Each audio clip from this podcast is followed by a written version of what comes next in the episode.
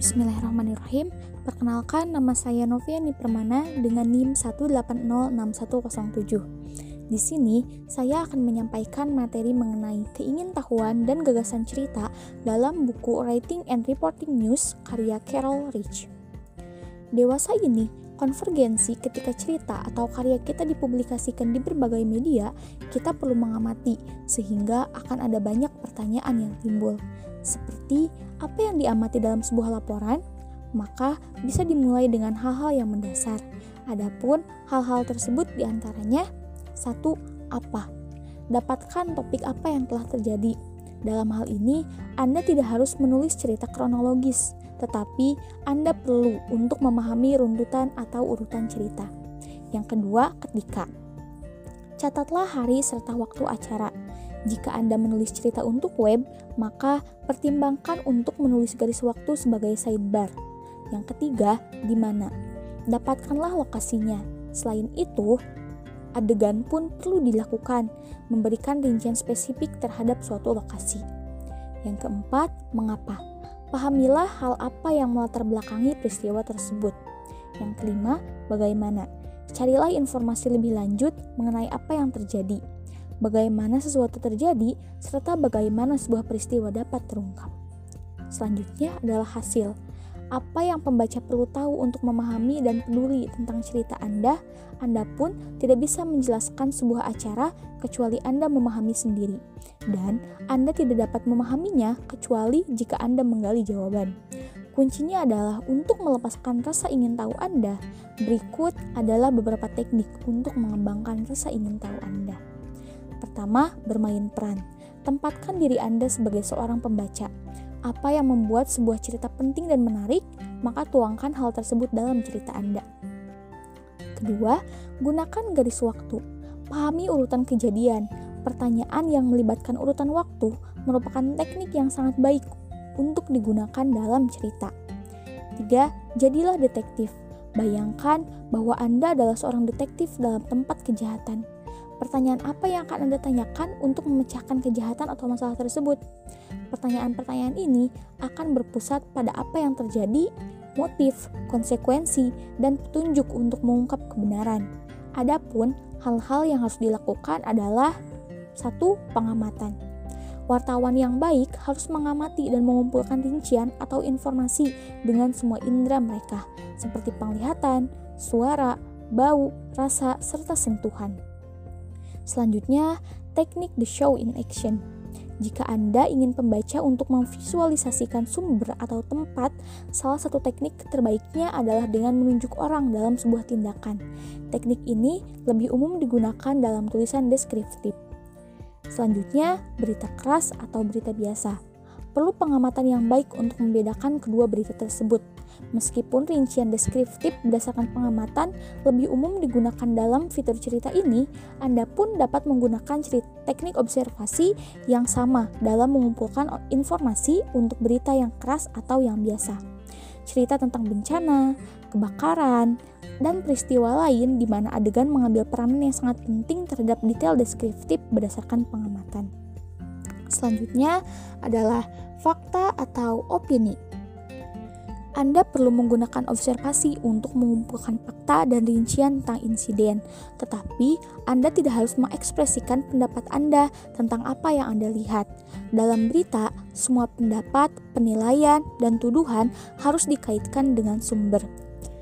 Di masa lalu, satu-satunya tempat untuk wartawan dapat berpendapat atau berinterpretasi berada di kolom dalam cerita berlabel analisis atau di cerita pertama orang yang biasanya diawali dengan catatan editor.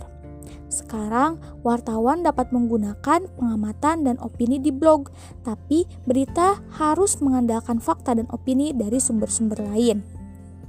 Selanjutnya, observasi untuk mencari jawaban pertanyaan. Gunakan pengamatan sebagai alat pelaporan, bukan hanya sebagai alat tulis ketika Anda mengamati tindakan atau rincian di TKP. Selanjutnya, observasi untuk presentasi visual. Ketika Anda berada di tempat kejadian atau peristiwa, banyak pertanyaan pelaporan dasar cenderung datang ke pikiran. Sama pentingnya adalah ide untuk foto yang baik atau ilustrasi grafis. Jangan lupa untuk mengamati lokasi dan menentukan dengan kedekatan dengan jalan-jalan utama atau jarak dari sebuah situs yang dapat ditafsirkan dan dapat membaca pahami. Ketika Anda mengumpulkan informasi, Anda perlu melihat cerita Anda serta mendengarnya.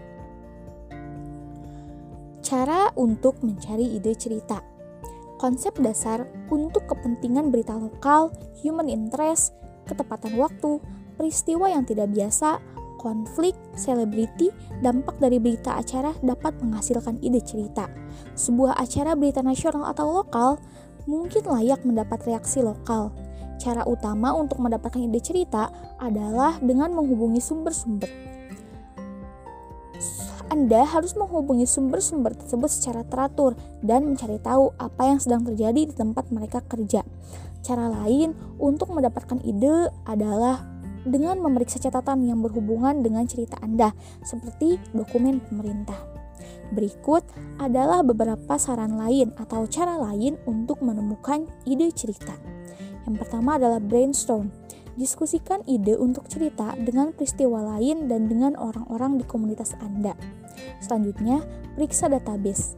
Periksa database komputer dan cerita-cerita lain ketika mulai bit atau cerita utama cek untuk sumber dan sudut di artikel sebelumnya dengan subjek dalam publik dalam publikasi Anda sendiri seperti surat kabar, majalah, database, dan web. Selanjutnya, memetakan topik. Pemetaan adalah bentuk brainstorming yang disarankan oleh peneliti yang telah mempelajari fungsi sisi kiri otak atau penalaran bagian logis dan sisi kanan yang dalam hal ini adalah bagian kreatif.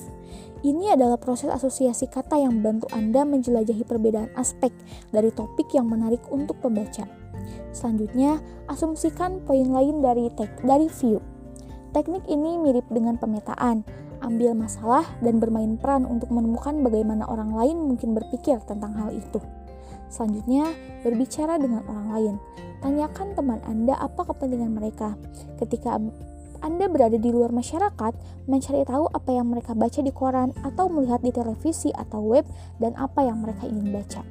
Selanjutnya, periksa direktori. Universitas dan banyak lembaga pemerintah memiliki daftar direktori departemen dan personil. Apakah ada orang, tempat, atau program tampaknya dapat diberitakan? Apakah ada organis anda organisasi daftar direktori sekolah atau departemen yang terdengar tidak biasa atau layak fitur dan lain-lain. Selanjutnya, baca lokal koran dan stasiun berita serta menonton TV lokal. Selanjutnya, baca klasifikasi iklan dan carilah item yang tidak biasa. Selanjutnya, localize berita nasional. Dalam banyak kasus, ketika bencana alam terjadi di negara-negara lain, orang-orang dari komunitas Anda mungkin menjadi relawan untuk membantu. Jadi, gereja-gereja atau lembaga lokal akan mengetahui apakah ada sudut lokal di tempat tersebut. Selanjutnya, carilah profil. Baca surat untuk editor, blog, dan umpan balik di situs web. Anda bisa mendapatkan banyak ide cerita dari masalah dan reaksi yang orang ungkapkan dalam surat kepada editor di media cetak atau forum online. Selanjutnya, track program dan acara. Periksa situs web kampus untuk acara mendatang, serta pembicara siap, siapa pembicara yang dijadwalkan untuk hiburan. Selanjutnya adalah menulis kembali berita pers. Ikuti isu-isu tren dan jadilah penasaran serta peduli. Tentunya hal ini sangat menentukan dan sangat menjadi motivasi untuk seseorang mencari informasi, yakni rasa keingintahuan dan rasa peduli. Maka dari itu, seorang wartawan atau e, selaku mahasiswa sekalipun harus memiliki rasa ingin tahu dan rasa peduli yang tinggi sehingga dapat menggali berbagai informasi dari berbagai sumber. Demikianlah materi yang dapat saya sampaikan. Akhirul kalam, wassalamualaikum warahmatullahi wabarakatuh.